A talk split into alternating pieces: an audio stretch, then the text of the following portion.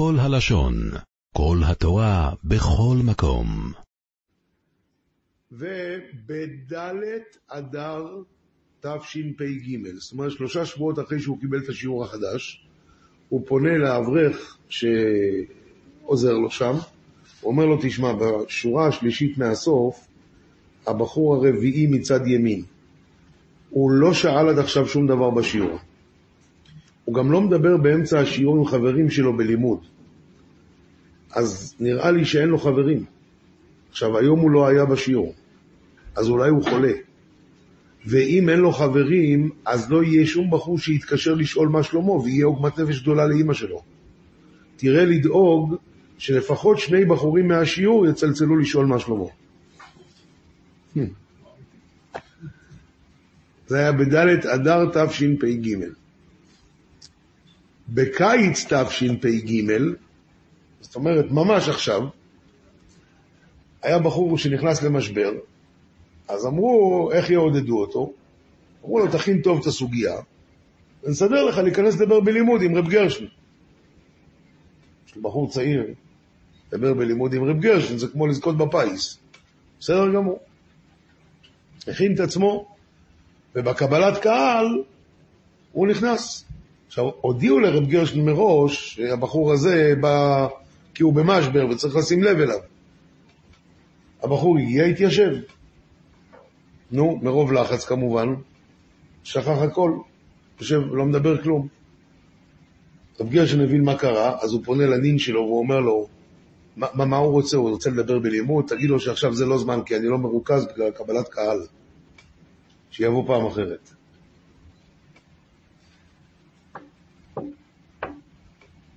עכשיו, אה, עוד סיפור ששמעתי אתמול, היה בחור שהעיפו אותו מישיבה. עכשיו אתם מבינים זורקים בחור מישיבה בדרך כלל, זה לא בגלל שהוא עבר את שעות הלימוד, יותר מדי הוא לומד, וגם לא בגלל יותר מדי אה, מעשים טובים וכולי. אבל הבחור הזה, זרקו אותו מישיבה, הוא בא לרב גרשון, תעזור לי. בסדר? דיבר איתו קצת, מה, מה מימו, פנה לישיבה אחת שזה עוד לא היה בימים שהוא היה גדול הדור. אז הוא פנה לישיבה, אמרו לו לא. עוד ישיבה. בישיבה החמישית אמרו בסדר, אבל שיבוא הנה. טוב, בחור הגיע, חוזר לרב גרשן, אמר לנו מה היה? הוא אומר, הם מסכימים לקבל אותי בתנאי שאני אחתום שככה וככה וככה וככה וככה. אמר לו, אתה לא הולך לשם. כי אם הם מקבלים אותך עם תנאים, זה אומר שבשבילם אתה סוג ב' ואתה לא סוג ב'. אז הוא המשיך לחפש ישיבה עד שמצא ישיבה שקיבלו אותו לכתחילה. והבחור הזה, אתה מבין, שומע מרב גרשן שהוא לא סוג ב', כנראה נתן לו כזה התרוממות, שבנה את עצמו מחדש. על היחס שלו לאשתו, אתם יודעים, אני, במוצא שלי אני יקה. אז אצלנו, בליל שבת, מברכים את הילדים עם שתי ידיים על הראש. במשנה ברורה כתוב לא לברך עם שתי ידיים, רק עם יד אחת, אבל הליטאים בכלל לא מברכים. לא מברכים, לא שבת, לא יום כיפור.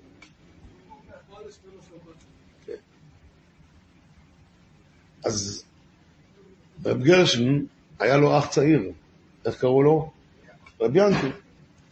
כשרב ינקי נפטר לפני שש-שבע שנים, הבן שלו בא לרב גרשן בערב יום כיפור. כל הלשון. אמר לו, אבא שלי היה מברך אותי כל שנה, והשנה הוא לא נמצא כבר. תברך אותי אתה. אז הוא אמר לו, אני לא יכול. אמר לו, למה אתה לא יכול? אבא לא בירך אותנו. הם ליטאים, אז אבא לא בירך אותנו. אז הוא אמר לו, אבל אבא שלי כן בירך אותי. ועכשיו הוא לא נמצא, אז תברך אותי. אמר, טוב, אני אברך אותך. אז הוא הוריד את הראש, תשים את הידיים. אמר לו, זה, זה לא, זה לא, זה לא, לא, זה לא, לא שייך. אני אברך אותך, אבל בלי ידיים. שואל אותו הבן שלו, הבן של רב גרשון, אומר לו, אבא, כשהיינו ילדים, כן בירכת אותנו. אמר לו, אמא ביקשה.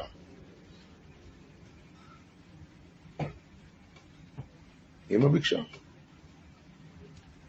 סיפור דומה לזה אתם יודעים שבליל הסדר צריכים לאכול את האפיקומן עד חצות. למה עד חצות? זה מחלוקת בגמרא. זה מחלוקת בגמרא. האם עד חצות או עד עלות השחר. אז בגלל שזה מחלוקת, אנחנו מקפידים עד חצות. אבל יש את האבני נזר.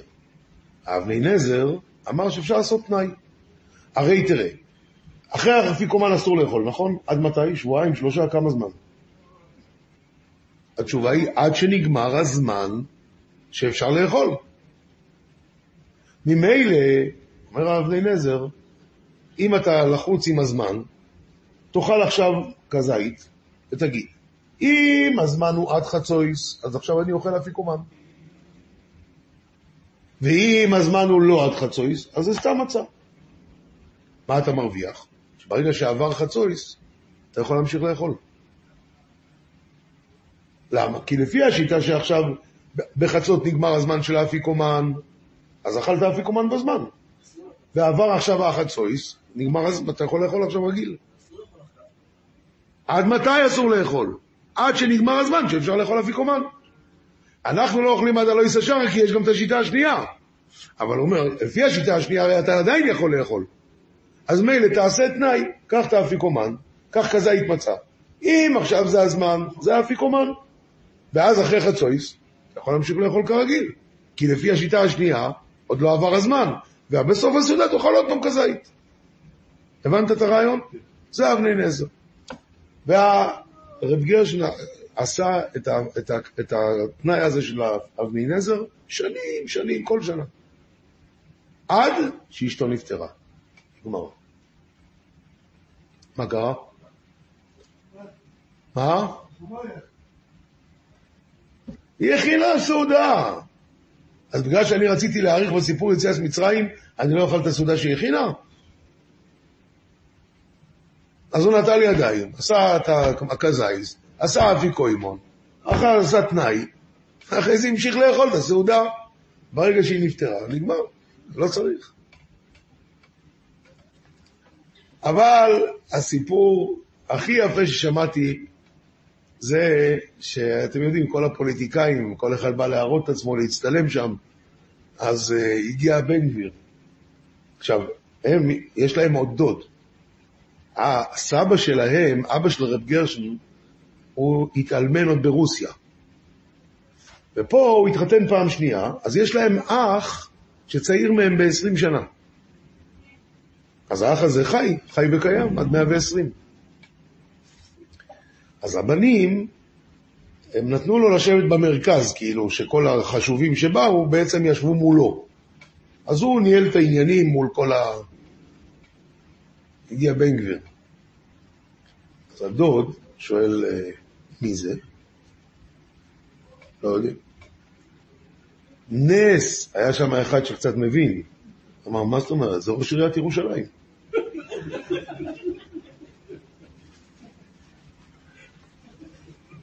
שוי.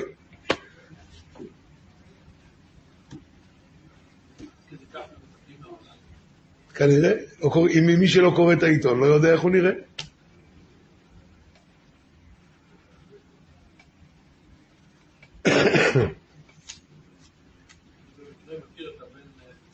בצלאל נעבך לא נמצא שם. חלה מאוד, אתה יודע שהוא לא... בצלאל לא, נכון? בצלאל לא. הוא למד אצל בצלאל, זה שלמה. שלמה, זה הג'ינג'י הזה שיושב מאחוריך, הוא למד אצלו והוא הולך לבקר אותו עד היום. אבל... אה? אה, כן? אבל מסכן, הוא לא, בכלל לא...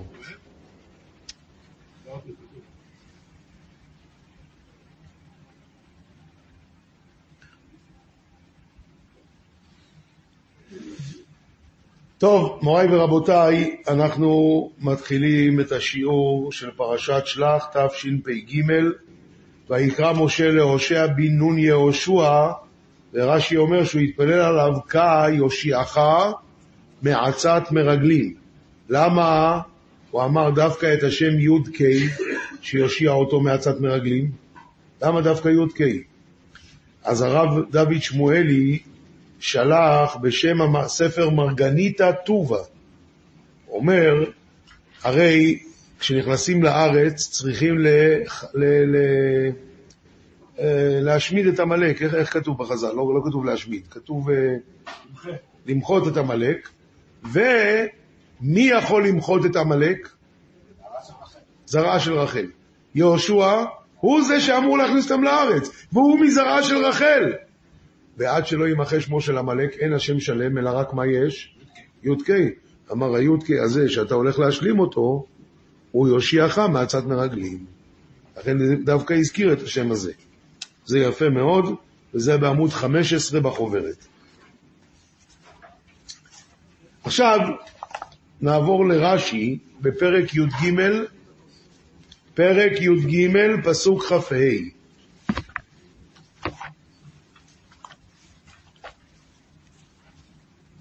וישובו מטור הארץ מקץ ארבעים יום. אומר רש"י, וישובו מטור הארץ מקץ ארבעים יום, שואל רש"י, והלא ארבע מאות פרסה על ארבע מאות פרסה היא, ומהלך אדם בינוני עשר פרסאות ליום. אז כמה זמן היה צריך לקחת להם כל צד? כל צד, ארבעים יום, ארבע מאות פרסה, על ארבע מאות פרסה זה עוד ארבעים יום. הרי מהלך ארבעים יום מן המזרח למערב, והם הלכו אורכה ורוחבה, אז היה צריך לקח להם 160 יום. אלא שגלוי לפני הקדוש ברוך הוא שיגזור עליהם יום לשנה, קיצר לפניהם את הדרך. אז עשה להם קפיצת הדרך. ואני שואל, רבותיי, לא מבין משהו. איפה כתוב שהעונש צריך להיות דווקא יום לשנה? אפשר שילכו בלי קפיצת הדרך. ייקח להם פי ארבע זמן? יופי. יהיה יום לחודשיים וחצי. או לשלושה חודשים. מה הבעיה? כאילו, זה, הלוך אל המוישה מסיני, העונש צריך להיות יום לשנה. אה, הם ילכו יותר, אתה יודע, נעשה להם קפיצת הדרך. אל תעשה קפיצת הדרך.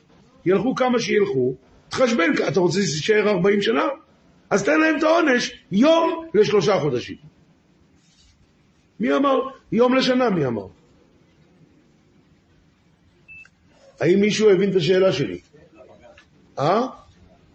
טוב, השאלה פגז, אז אני שמח שמישהו מבין אותי. את, רבותיי, אחרי הדברים הללו מצאתי שיש בעצם שאלה נוספת, והיא, מה קרה רבי יעקב?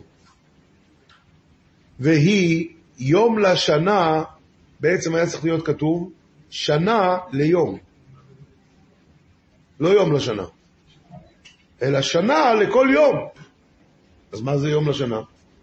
אז תירוץ אחד אומר הכלי יקר, יום לשנה הכוונה שהקדוש ברוך הוא אומר פה חסדים גדולים. ואמר להם, תשמעו, אתם תמותו במדבר. עכשיו, כל בן אדם היה הולך לישון כל לילה, לא יודע אם הוא יקום בבוקר. אתה יודע איזה פחד זה? אמר להם הקדוש ברוך הוא, חבר'ה, אתם תמותו במדבר יום אחד לשנה. יום לשנה, בתשעה באב. חסד גדול עשה איתם. זה הכוונה יום לשנה. יפה. ואז אם ככה, ואז אם ככה הוא עשה להם עוד יותר חסד. שהוא גם אמר להם שהוא משאיר אותם עד גיל 60. יפה מאוד. עכשיו מוריי ורבותיי, תירוץ שני אומר המל, הכלי יקר. תירוץ, תירוץ שני אומר הכלי יקר,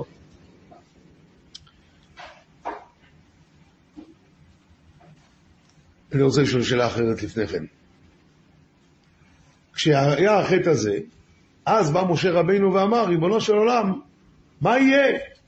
ושמעו מצרים, אשר הוצאת את העם הזה מתוכם, יגידו, יופי, נגדנו היה לו כוח, נגד 31 מלכים אין לו כוח. ואז הוא שחט אותם במדבר. נכון, ככה משה רבינו אמר. תגידו, עדיין היה מצרים? אתה לא יודע אם היה או לא היה? אז תפתח תהילים. תפתח תהילים. החזרתם את הספרים, הם עדיין פה. תפתח תהילים. פרק ס"ח, פסוק ז', אומר דוד המלך, אלוהים מושיב יחידים ביתה, מוציא אסירים בכושרות, אך סוררים שכנו צחיחה. תסביר מה כתוב כאן? אומר רש"י, אלוקים מושיב יחידים ביתה, הכוונה שהוא לקח את כל אחד ואחד מעם ישראל כדי להוציא אותם ממצרים. ואז הוא הוציא אותם בכושרות. מה זה בכושרות? בחודש כשר לצאת, לא חם, לא קר, בדיוק ניסן זה החודש הכי נוח, ואך סוררים, אך סוררים שכנו צחיחה. אומר רש"י, אך סוררים זה מצרים. שכנו צחיחה, מה הכוונה? אומר רש"י, ונשארה ארצם צייה וצמאה. נשארה ארצם צייה וצמאה. אז, אז לא היה מצרים יותר.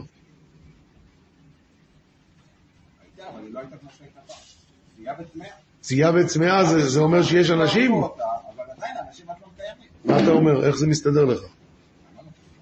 כולם טבעו שם, לא כולם טבעו, רק 600 אלף שמבין.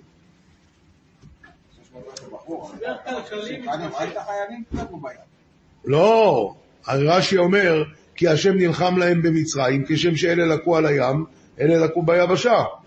היה להם צונאמי. אז, אז לא נשאר אף אחד. וזה הכוונה, שאנחנו צחיחה. אומר בניה, לא שמענו. טענה? לא שמענו. לא, זה לא צוחק. טענה? לא שמענו דבר כזה. כל סיפור יציאת מצרים שאומרים כל השנים, לא לא- לא היינו מציינים את זה?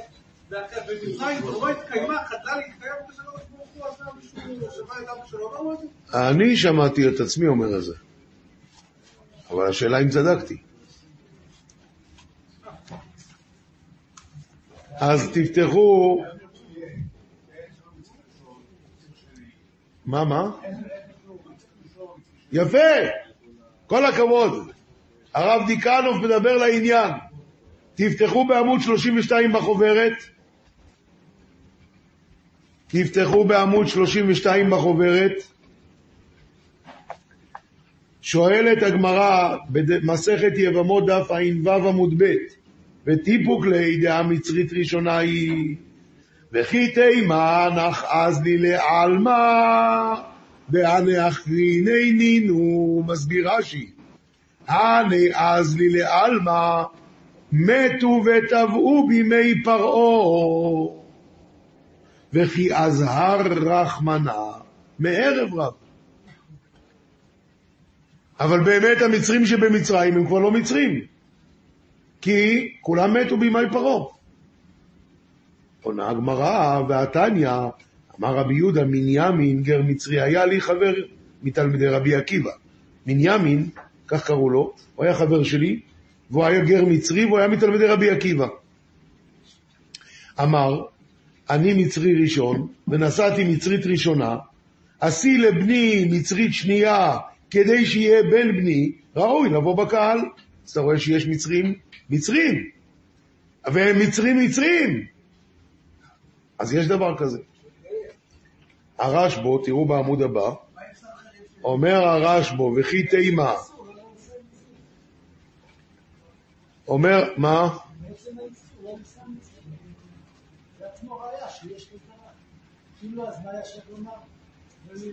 מה, תסלח לי, היום יש איסור לשאת מצרית, יש לך מצרי? אז מציאות. לא. תמצא בפריז אחד שיש לו תעודות שהוא מצרי אמיתי, אל תתחתן איתו. יש, אבל לא במצרים. אבל לא במצרים, לא שכל מי, לא שכל מי שבמצרים הוא מצרי, זה הכוונה. אבל ממנימין אתה רואה שהוא היה גר מצרי. והרשב"ו, תראו את הרשב"ו בעמוד 33, השאלה הייתה, כי בעצם אלה שהלכו לים, הם טעו בים. אלה במצרים, כי השם נלחם להם במצרים. נכון, נשאר או לא נשאר. נכון. הגיע עכשיו פתאום לצרפת? איך הוא הגיע? הוא היה אצל- בביקור אצל דודה שלו כשהיה בקריאת ים סוף. אומר הרשב"ו בעמוד 33, אולי זה לא מה? לא, גר מצרי משמע שבמצרים הוא היה. כנראה שלא, אחרת מה הגמרא שואלת? עכשיו תראה את הרשב"ו. אומר הרשב"ו, וכי תימה, אנח עזדו לעלמא והנה אחרין עינינו, פירש רש"י שנטבעו בימי משה וישראל על ים סוף. וכי אז הרחמנה הערב רב קמזר. ודברי תימה הם, וכי כל המצרים נטבעו? והלא לא נטבעו, אלא היוצאים למלחמה. ומסתברא, דאחי כאמר, וכי תימה נחזדו לעלמא, שמא באורך הזמן גלו, לא אז בזמן קריאס ים סוף, אלא במשך הזמן הם גלו, ולא שאנו מתירים אותם מן הספק, אלא לרבחא דמילתא כאמר לו, ואף כשתמצא לומר דבעלמא אמרינא נסדו לעלמא, אך אי אפשר. למה? דאמר מנימין גר המצרי וכולי. יפה מאוד. אם כן, אז מה, אז מה דוד המלך מתכוון? רבותיי, מצאתי מציאה כשרה, השווי שלה מיליארד דולר. מה אתה עושה לי ככה? נביא. זה לי ככה. מה אתה עושה ככה? אפשר ספר יחזקאל משם? לידך.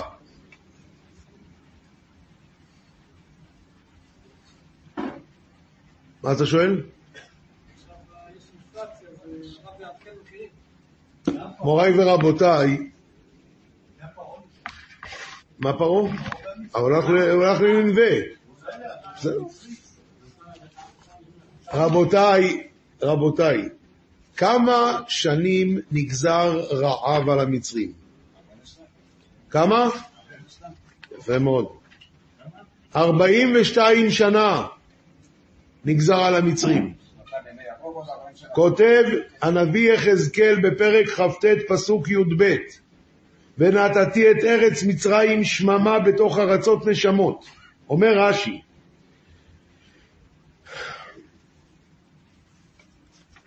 אומר רש"י, ארבעים ושתיים שני רעבון נגזרו בחלום פרעה, כנגד שלושה פעמים שנכתב החלום, שבע פרות ושבע שיבולים רעות.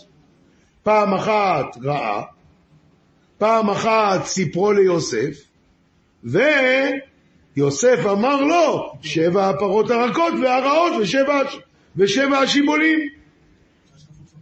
אז יוצא שזה שש כפול שבע, זה ארבעים ושתיים שנה. עכשיו, כמה זמן בפועל היה במצרים הרעב? רק שנתיים. אחרי זה הגיע יעקב. ומה עם הארבעים שנה האלה?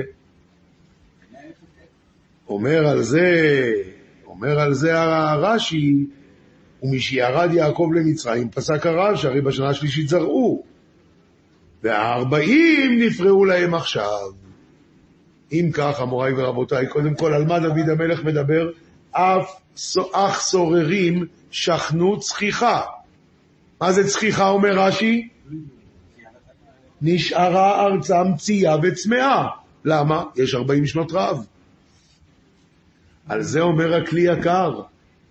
הלכו המרגלים לארץ ישראל ארבעים יום, והם כיוונו שזה יהיה ארבעים יום. אתה יודע למה? חזרו אחרי ארבעים יום, ועם ישראל ידעו שעכשיו במצרים יש רעב לארבעים שנה. אמרו להם המרגלים, שמעו, היינו שמה, מה אני אגיד לכם? ארץ אוכלת יושביה. העמלק יושב בארץ הנגב, וזה קטסטרופה.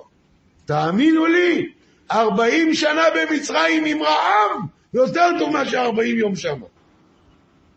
זה הם התכוונו לומר. על זה אמר להם הקדוש ברוך הוא, יום לשנה, יום לשנה. אתם ביקשתם יום לשנה, אה? קבלו יום לשנה.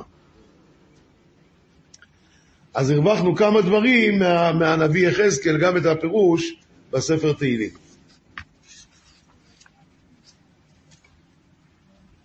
ועכשיו גם את מה ששאלתי מקודם, מי אמר זה יהיה יום לשנה? יהיה יום לשלושה חודשים. לא, יום לשנה, כי את זה הם ביקשו. לפי הכלי יקר זה מתורץ. כן.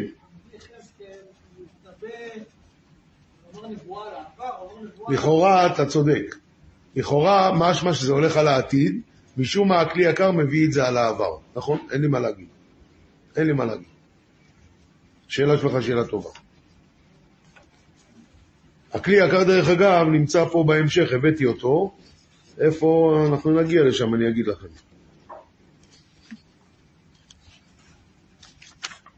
זה נמצא בהמשך, אני אגיד לכם. עכשיו ככה. לא, אני אגיד לכם עכשיו, כדי שלא יהיה בלבולים אחר כך. הנה, הכלי יקר נמצא בעמוד 57.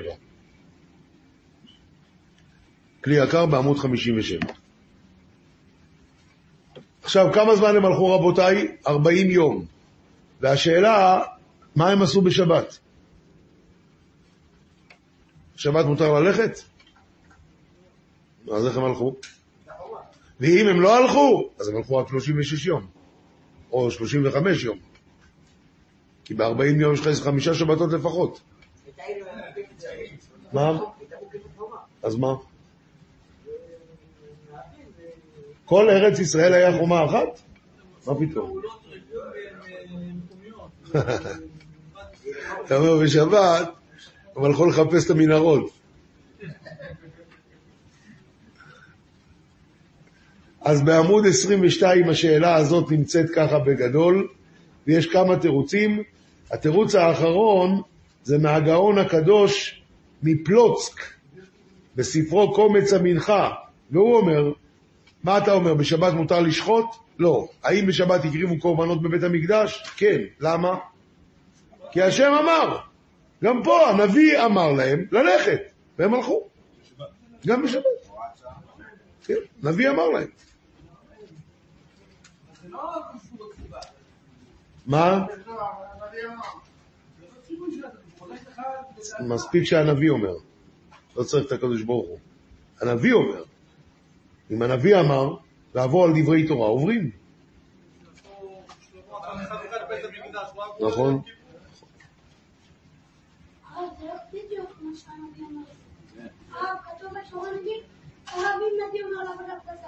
חוץ מעבודה זרה, כמובן.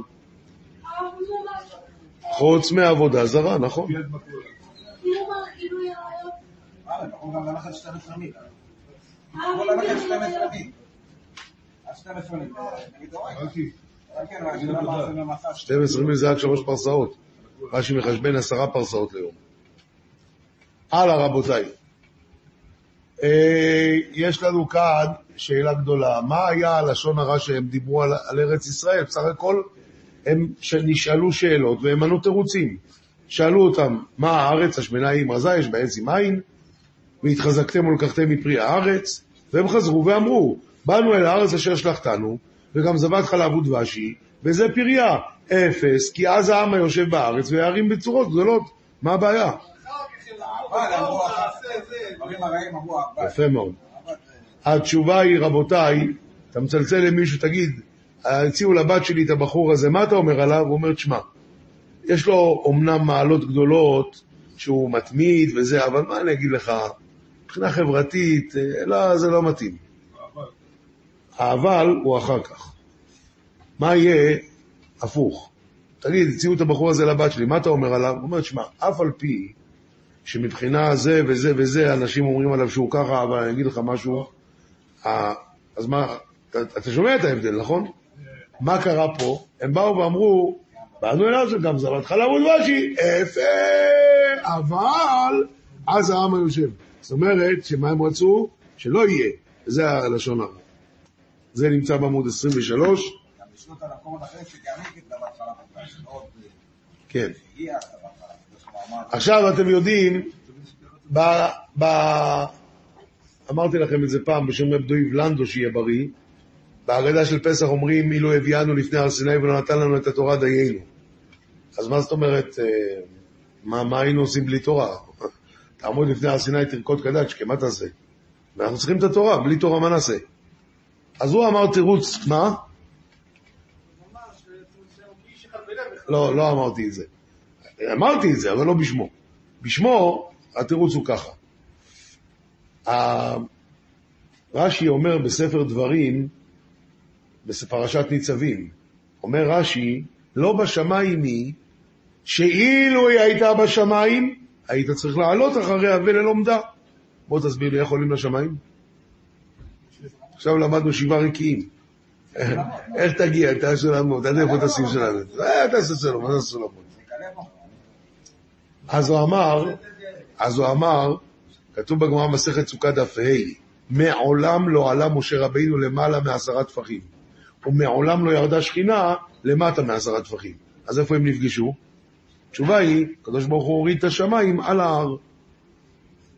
ומשה רבינו עמד על ההר, ולמעלה מעשרה טפחים זה כבר היה שמיים. בסדר? עכשיו, אז בעצם, איפה השכינה עכשיו, איפה השמיים? פה. יכל הקדוש ברוך הוא להגיד, רבותיי, מי שרוצה תורה, שיבוא לפה. תעלו לשמיים, קחו. עכשיו, השמיים לא שם, השמיים פה, על ההר.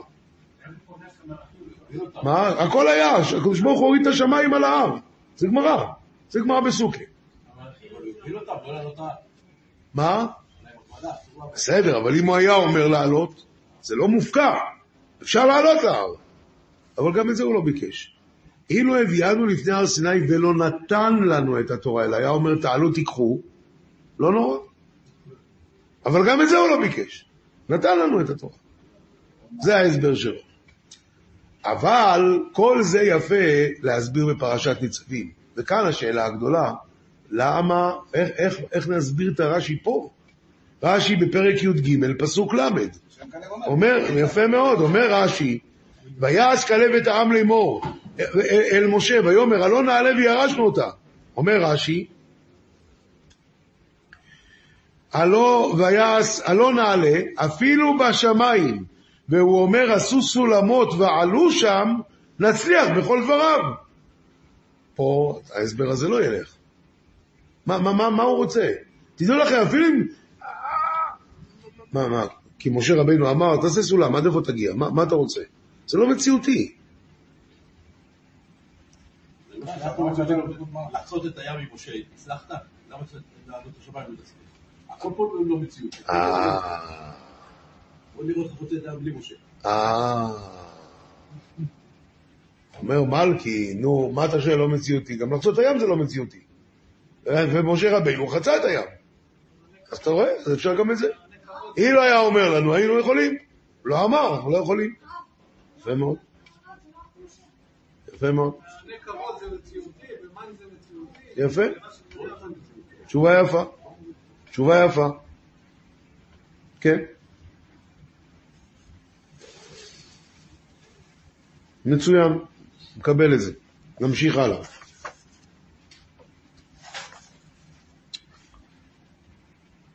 ואז הוא אומר להם, כלב אומר, אך בה השם אל תמרודו. אך בה השם אל תמרודו.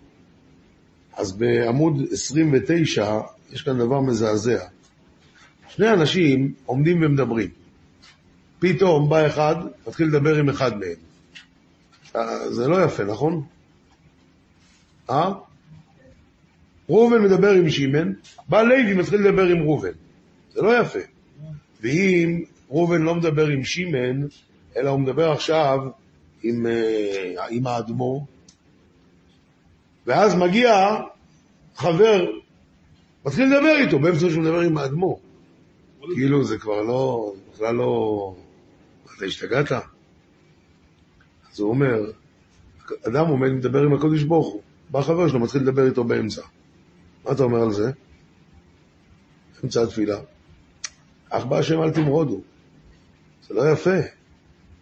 זה, זה, זה, זה, לא, זה לא, זה לא לא יפה, זה כאילו לא מתאים בכלל. זה בעמוד 29.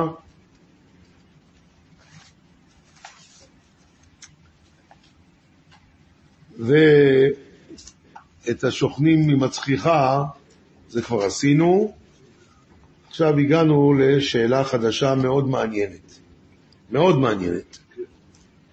ברוך אתה אדינו אלוהינו מלאכו אלוהים שהכל נהיה בדברו.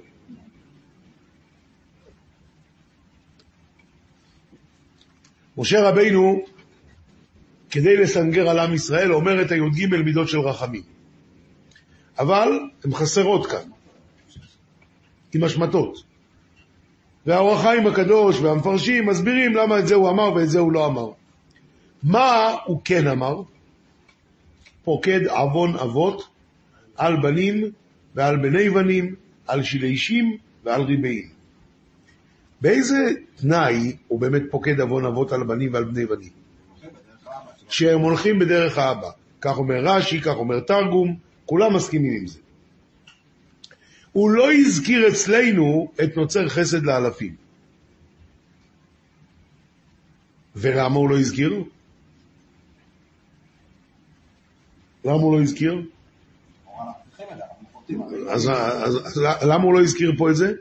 אז יש כאלה שאומרים, הם עשו כזה חטא גדול, שעוד רק חסר גם להזכיר את אברהם, יצחק ויעקב עכשיו. כאילו, אם יש לך כזה אבות, איך עשית כזה חטא? זה רק יחמיר את המצב. יותר טוב לשתוק. אבל זה אני רוצה לחקור. אמרנו שפוקד עוון אבות על בנים זה בתנאי שהבן הולך בדרכי האבא. עכשיו אני שואל, נוצר חסד לאלפים, זה גם כן רק בתנאי שהבן הולך בדרכי האבא? אתה- אומר רבי יצחק, לא. צדיק... מה תן לנו איזה הוכחה. אומר רבי יצחק, לא מסברה. כי אם אתה מיליונר, אתה לא צריך את הכסף של אבא שלך. מתי אתה צריך את זה? כשאתה עושה חובות. אז זאת אומרת, אם אני עושה עבירות, אז אני צריך את הזכות אבות. אם אני לא עושה עבירות, אני בעצמי צדיק, מה אני צריך זכות אבות? אז זה סברה. יש לך גם הוכחה מעבר לסברות?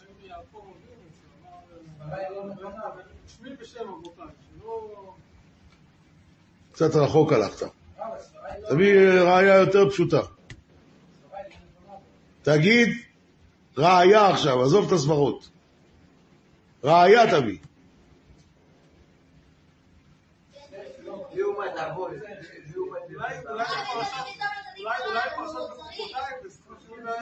יפה! פרשת בחוקותיי, אחרי כל הקללות. הוא אומר, וזכרתי את בריתי יעקב ואף את בריתי יצחק. ואף את בריתי אברהם אזכור והארץ אזכור. ואחרי חטא העגל, מה משה רבנו אמר? זכור לאברהם, ליצחק וליעקב.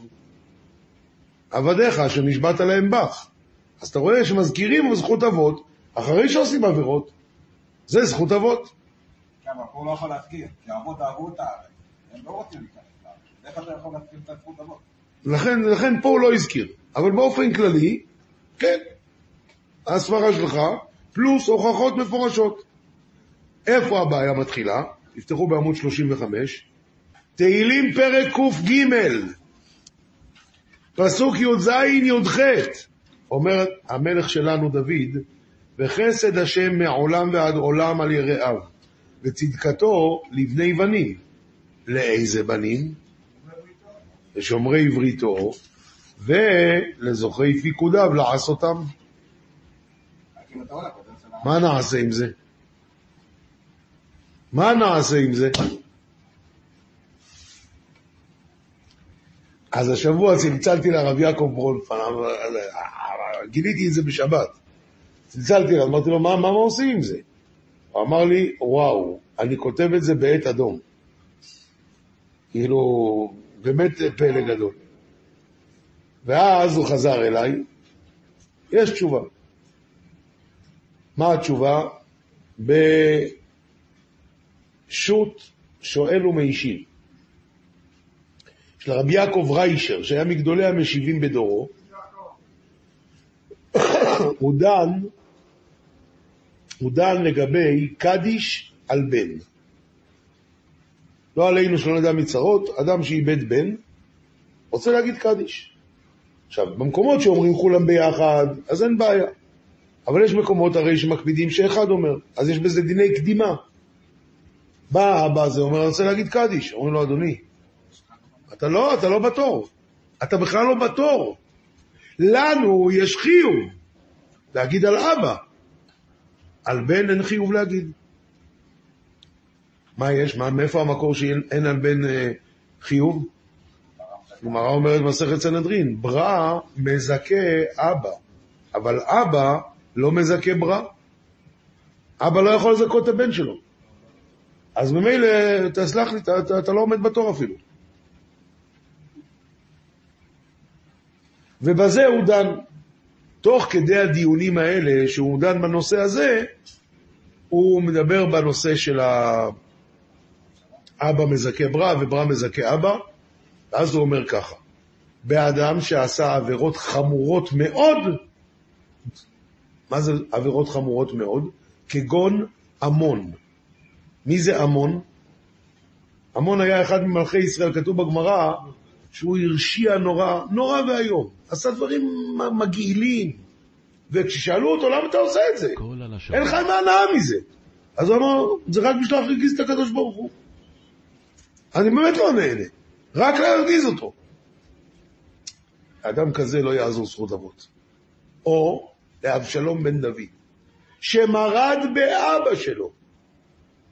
איזה דבר זה נורא למרוד באבא. ועוד, מרד במלכות בית דוד. לא יעזור לו זכות אבות.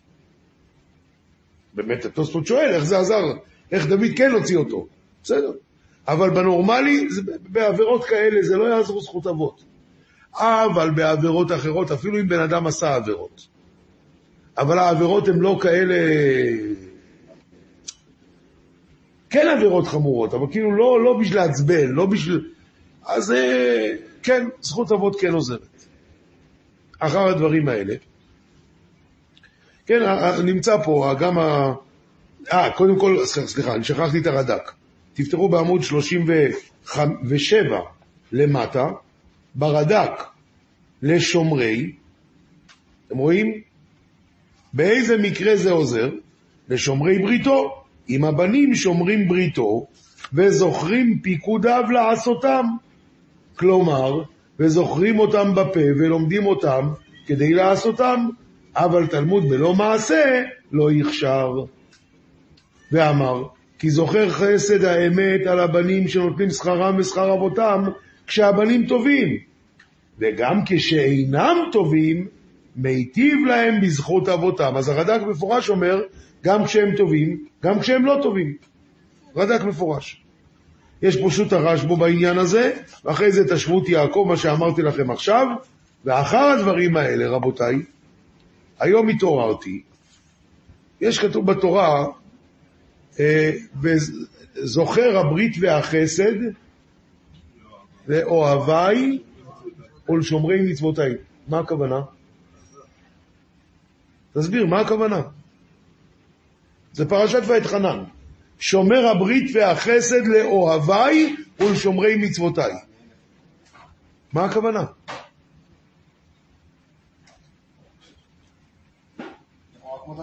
לכאורה כמו דוד המלך. אז מה רצתה דוד המלך? כי לא זכרתי את הפסוק ההוא. אני מדבר עליי עכשיו, כן? לא זכרתי את הפסוק ההוא. אבל אחרי שחשבתי על זה, אולי הכוונה שהאוהביי ושומרי מצוותיי חוזר, למי אני שומר את הברית החסד? יפה מאוד. שומר הברית והחסד. לא- לאוהביי ולשומרי מצוותיי, לאלף דור. ואז אם כן גם בדוד המלך תגיד את אותו דבר. מה? וחסד השם מעולם ועד עולם על יראיו, לבני בנים זה בסוגריים, וההמשך הולך חזרה על האבות. כמו בפסוק בתורה. טוב. עכשיו, מוריי ורבותיי, אחד מהדברים שהשם שונא בצורה דרסטית זה מי שמדבר אחד בפה ואחד בלב. מכירים את הרב מאיר, מפרי משלן? או לכל בני ישראל לא יחרץ כלב לשונו. הוא אומר, לכל בני ישראל לא יחרץ. אל תחרוץ בין הלב לזה, אלא כלב לשונו. הלב והלשון צריכים להיות אותו דבר. זה רב מאיר מפרי משלן. אבל על כל פנים, תראו בגמרא בעמוד 43, גמרא בסרט פסחים קי"ג עמוד ב', אומרת הגמרא, שלושה הקדוש ברוך הוא שונאן, ואחד מהם, הראשון ברשימה, המדבר אחד בפה ואחד בלב. הקדוש ברוך הוא שונא את זה. עכשיו תראו כמה מובאות מתהילים עד כמה הקדוש ברוך הוא שונא את זה. פרק ו' פסוק י' כי אין בפיהו נכונה קרבם אבות, קבר פתוח גרונם, לשונם יחליקון. הלאה, פרק י', פסוק ו', פסוק ז', עלה פיהו מלא ומרמות ותוך, תחת לשונו עמל ואוון. פרק י"ב, פסוק ג', שב ידברו איש את רעהו שפת חלקות, בלב הלב ידברו. פסוק, כ"ח- פרק כ"ח, פסוק ג', אל תמשכני עם רשעים ועם פועלי עוול, דוברי שלום עם רעיהם, ורעה בלבבם. פסוק מ"א, סליחה, פרק מ"א, פסוק ז', ואם בא לראות, שב ידבר, ליבו יקבץ עוול לו, יצא לחוץ, ידבר. פרק ס"ב, פסוק ה', אך מסעיתו יעצו להדיח ירצו חזב, בפיו יברכו, ובקרבם יקללו סלע. פרק קא, מלושני בסתר ראהו אותו עצמית. גבה עיניי מורחב ליבב, אותו לא אוכל. לא ישב בקרב ביתי עושה רמייה דובר שקרים, לא ייכון לנגד עיניי. קכ"ו, פסוק ד' היטיבה השם לטובים ולישרים בליבותם. אז אתה רואה עוד פעם, עוד פעם, עוד פעם, ולא הבאתי את כל המובאות, אבל דוד המלך לוחץ שזה כאילו דבר נורא ואיום. אדם שמדבר אחד בפה ואחד בלב, אתה יודע, זה בכלל לא, לא מגיע לסף של אה, כלום. כלום, זה לא... זה כלפי הקדוש ברוך הוא. אבל כאן מדברים על בני אדם. עכשיו, בספר חסידים, בעמוד 54, מה? לא. עכשיו רבותיי, עמוד 54, אז יש ספר חסידים. הוא אומר, מלפינו מבעמות ארץ ומעוף השמיים יחכמנו. מה זה? אומר, האדם ילמד את בנו להיות נאמן ממי? מהכלב. כלב הוא נאמן. ומעוף השמיים יחכמנו. אז הוא אומר, יש הרי את ה... את ה... זאתי עם הקרבולת, איך קוראים לה? הדוכיפת, שהיא מקבלת מהשר של ים את התולעת שמיר, ופעם אחת, מה שהיה עם דוד המלך, שהוא שלח את, איך קוראים לו? שלמה המלך. הוא שלח את אה, בניהו בן יהוידע, והוא לקח לה את זה, היא התאבדה. היא התאבדה. מזה תלמד את הילדים שלך כמה צריכים להיות נאמן. וזה הכוונה, מלפינו מבהמות ארץ, ומעוף השמיים יחכמנו. אז הוא ממשיך, הספר חסידים,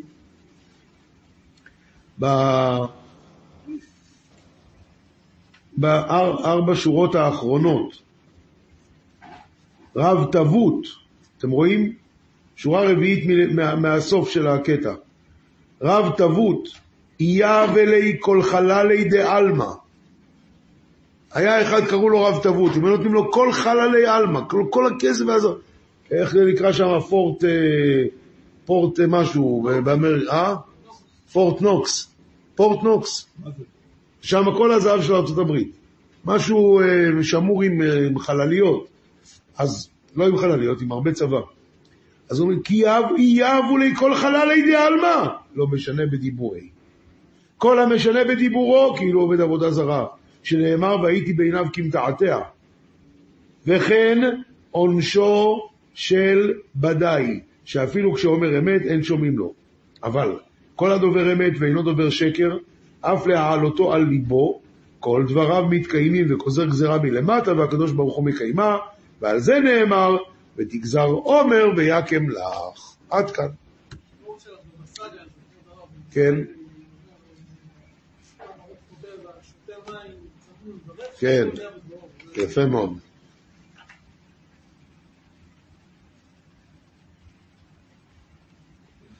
בקיצור, רבותיי, אחרי כל זה, בואו נקרא את הרש"י של כלב.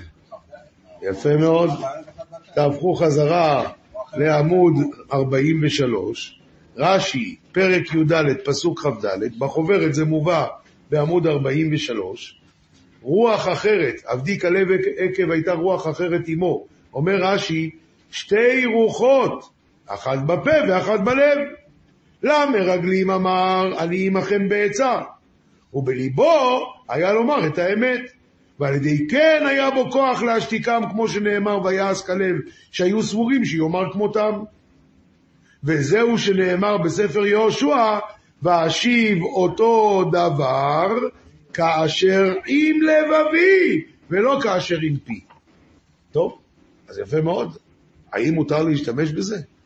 אתה רואה שהדבר הזה כל כך שנוא לפני הקדוש ברוך הוא, אחד בפה ואחד בלב, הלך, הלך כלב והשתמש בזה. אני שואל, מותר להשתמש בזה לצורך מצווה? לא יודע, שקרים גם מותר, הכל מותר. כן.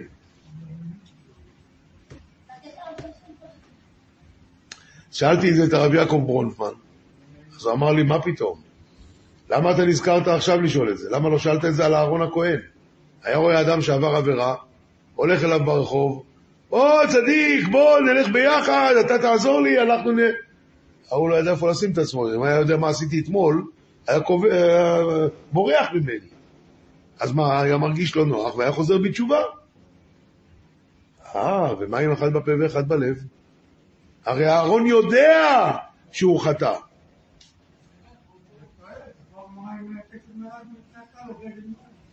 אז הוא אמר לי יותר מ... הוא- הוא אמר לי יותר ממה שאתם אומרים. הוא אמר לי, זה לא אחד בפה ואחד בלב. מה זה אחד בפה ואחד בלב? אתה חושב אחרת ועושה אחרת. כאן יש לו רק לב אחד לאביו שבשמיים. אני רוצה שהוא יחזור בתשובה, רק הדרך להחזיר אותו בתשובה זה בלהגיד לו איזה צדיק אתה. אז ממילא אני, אני, זה לא אחד בפה ואחד בלב. זה, זה הכל אחד. כאין, כאין, מה שאמרו פעם, איך יעקב אבינו אמר, אנוכי עשיו בכורך? איך הוא אמר דבר כזה? תיתן אמת, מידתו של יעקב אבינו, אמת. זה, זה האדם שאמר, אנוכי עשיו בכורך? אז מה מתרצים? בא אחד שואל אותי, תגיד לי, איפה עומד קו, אה, איפה עומד קו 352? אני צריך לנסוע לירושלים. אני אומר לו, אבל 352 לא נוסע לירושלים. אתה צריך קו 400. 402 אתה צריך. הוא לא, לא, לא, לא, 352, איפה זה עומד? עכשיו, אני מבין שהוא טועה. אז אני מסביר לו, איפה עומד קו 402? אז אני שיקרתי? ובסלבודקי היו אומרים את זה בצורה יותר מתוחכמת. אין דבר יותר ישר מסולם שעומד עקום. אם הסולם עומד ישר, אתה לא יכול לטפס עליו, רק אם הוא עומד עקום. יעקב אבינו הולך לקבל את הברכות. מה פירוש הולך לקבל את הברכות? אבל, אבל הוא רוצה לתת את זה לעשו. אומר, כי הוא חושב שעשו הוא הבכור, כי הוא חושב שעשו הוא צדיק. הכ- הכל, הכל תלוי בטעות. והנבואה של אימא שלי אומרת, נבואה, שאני צריך לקבל את זה. אז אנוכי עשר בכורך. מה שאלת, איפה זה תחנה של אה, נוסעים לירושלים? זה פה. פה זה התחנה. אה זה עקום, זה הסולם הישר. כי הוא עומד עקום, זה הישר. כאין זה, בא אהרון הכהן. הוא, הוא לא בא לשקר אותו, הוא, הוא רוצה שהוא יחזור אל השם. אז הוא אומר לו, אתה צדיק, כי, כי רק ככה אפשר להחזיר אותו. כי אם תגיד לו אתה רשע, אז בסדר, אז אני רשע, אז מה אתה רוצה ממני? אבל הוא יודע שרק ככה אפשר, אז, זה לא אחד בפה ואחד בלב. אותו הדבר כלב. הוא רצה להציל את המצב. אז הוא דיבר איתם דבר אחד, והוא חשב דבר אחר, אבל זה לא היה שני דברים. כל הדבר היה בשביל דבר אחד, בשביל להציל את עם ישראל מהחטא הזה. אז זה לא נקרא אחד בפה ואחד בלב.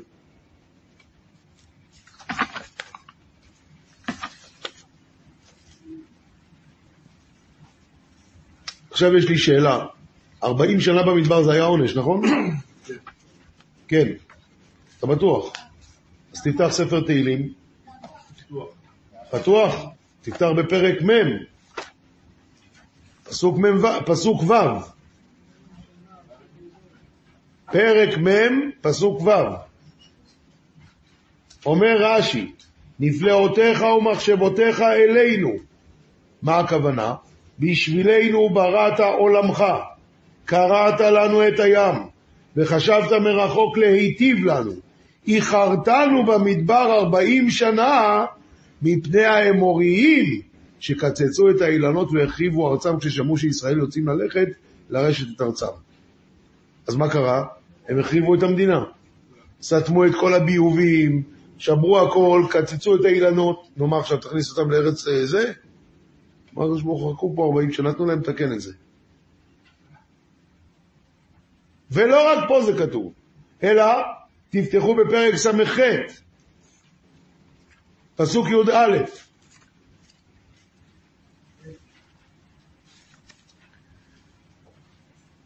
אומר רש"י, תכין בטובתך, אתם רואים את הרש"י? כשיצאו ממצרים מסיבותם במדבר ארבעים שנה, לפי שעמדו כנעניים וגדעו את האילנות, ובתוך כך שעיכבו במדבר, עמדו ותיקנו הכל. נו, אז איפה העונש? אז זה היה לטובתנו, זה לא עונש. לא יודע, אני שואל אותך. אני שאלתי קודם. זה מה שאני שואל, נו.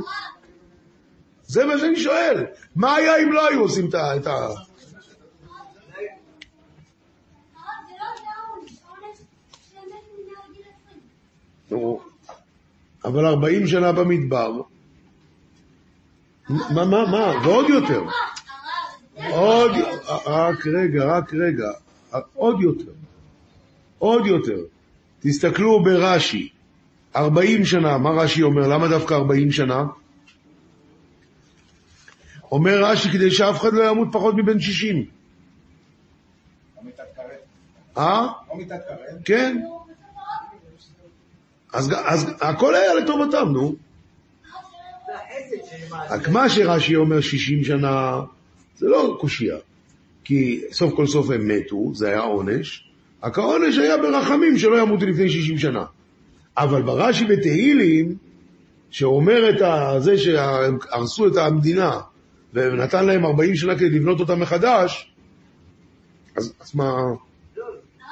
העונש היה 40 שנה, כתוצאה מזה הם החריבו את המדינה, ואז במשך 40 שנה.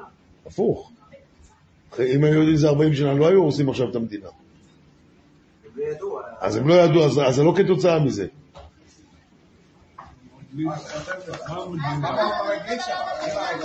לפני שנה, הם הרסו את כל המדינה. הם גרים שם. מתי מתי אומר רש"י שהם הרסו את המדינה? ביציאת מצרים. כן. זה היה שנה וחצי לפני שהמרגלים הגיעו. שנה וחודשיים? מה הם עושים שם בשנה וחודשיים? ממי נשאר לגור בארץ? זרעו הכל מחדש, מה? מתי בנו? שהם לפני חטא בעגל? אני שואל, הרי המרגלים הגיעו ורואים פה מדינה מדינה. ארץ, ערים בנויות, ערים בצורות השמיים, בבנייה. שאלה חזקה מאוד. שאלה חזקה מאוד. חזקה. חזק מאוד. אני חוזר על השאלה שלך בשביל אלה שלא נמצאים פה. הוא שואל, הרי המרגלים הגיעו אחרי יציאת מצרים, והם רואים מדינה בנויה. אם רש"י אומר שהם החריבו הכל, איזה, בנייה, איזה מדינה בנויה? איך הם ראו ערים בצורות, גבוהות, אה, איזה פריה, מה, איפה, מה? לא אה, כן, נו. שאלה חזקה. זה מה ששאלת? אה, אני הבנתי שאתה שואל כמוני. לא, אה. לא, לא.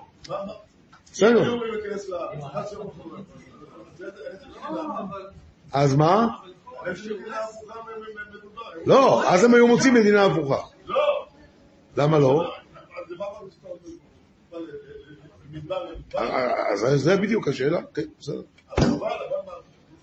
לגבי השאלה שלי, רבי יעקב ברונפמן אמר לי, בסדר, הקדוש ברוך הוא השאיר אותם 40 שנה במדבר, אלה שצריכים למות מתו, ואלה שלא צריכים לסבול, אז בינתיים בנו להם את המדינה. אבל השאלה שלך זה לא מתרץ. כן. השאלה הזאת היא מפחידה אותנו. הקדוש ברוך הוא אומר לאברהם "ותולדות תדע, כי לא עוון. כלומר, כל ההשתאות, עכשיו, היו רק 210, אבל יש לנו את 400 שנה, אבל כל כדי אה, להשאיר את העוון האמורי. אבל שלא מסתדר. הרי הייתה תוכנית, התוכנית הייתה, יוצאים מצרים נכנסים לארץ. הכל הסיפור. אתם שואלים מדי טוב היום, אין לי תשובה. כש- כשהורסים, לא הורסים ונשארים, הורסים והולכים, והם כשבאו המרגלים, לא... נכון, לא נכון. אני זוכר את התמונות כשפינו את, אה, את גוש קטיף. וואו. עכשיו אנשים אמרו, מה, אני אשאיר פה את הבית, יבואו הערבים לגור פה? אז שהפכו בטון לתוך השירותים. הרסו מה שאפשר, מה פתאום, ניתן להם לגור פה? בבית שלי? עכשיו, אם הם עשו את אותו דבר בארץ, מה? לא רשם. אז הם גם הלכו, אבל אז מי בא? באו רפאים, באו ענקים, אלה יש להם יכולת לבנות הרבה יותר מהר מאנשים רגילים. וגם להצמיח עצים. אה? הרי ברור שאי אפשר תמיד, גם כששולחים ועושים, לא ייתכן להשמיד הכל ואת כל העצים ואת כל. מישהו יכול, היום עם טרקטור, בן אדם לא יכול אה, לעקור עץ תאנים. אותו ענק שבנה, אה, אותו ענק המרד. איך אפשר לעקור? לא צריך לעקור אותו, מספיק לחתוך. לא שאלה, לא, לא נראה לי שאתה צודק, בניה. מה זאת אומרת, הם הלכו, הרי הכנעני היה בארץ. לא היו כאן רק רפאים. זה עוד יותר קשה השאלה שלי. כן, כן, לא. כן. אפשר לעשות אותו דבר גם על מצורע, אבל איזה אופן מקבל, איזה עונש הוא מקבל, הוא מרוויח כסף. איזה כסף? נגיד על עבודתכם, תלוי יותר בקדוש ברוך הוא, זה... אמור- נכון. אז זה עונש שהוא מקבל. הוא כבר יודע שזה לו כסף.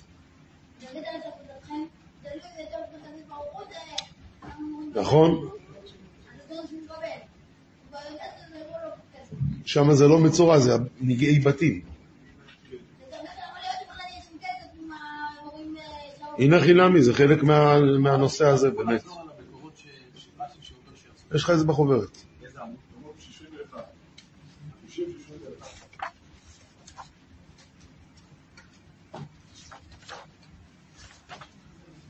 כן, 59, זה מתחיל ב-58, 59, 60, 61.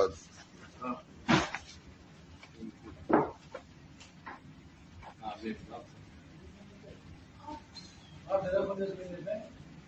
מה? כאילו?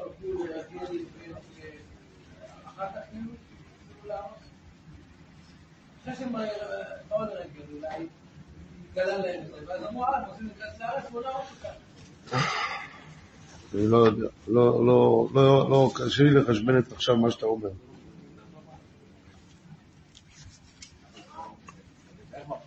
טוב, אנחנו מסיימים כאן היום, שיהיה לכולם לילה טוב ושבוע טוב ובשורות טובות.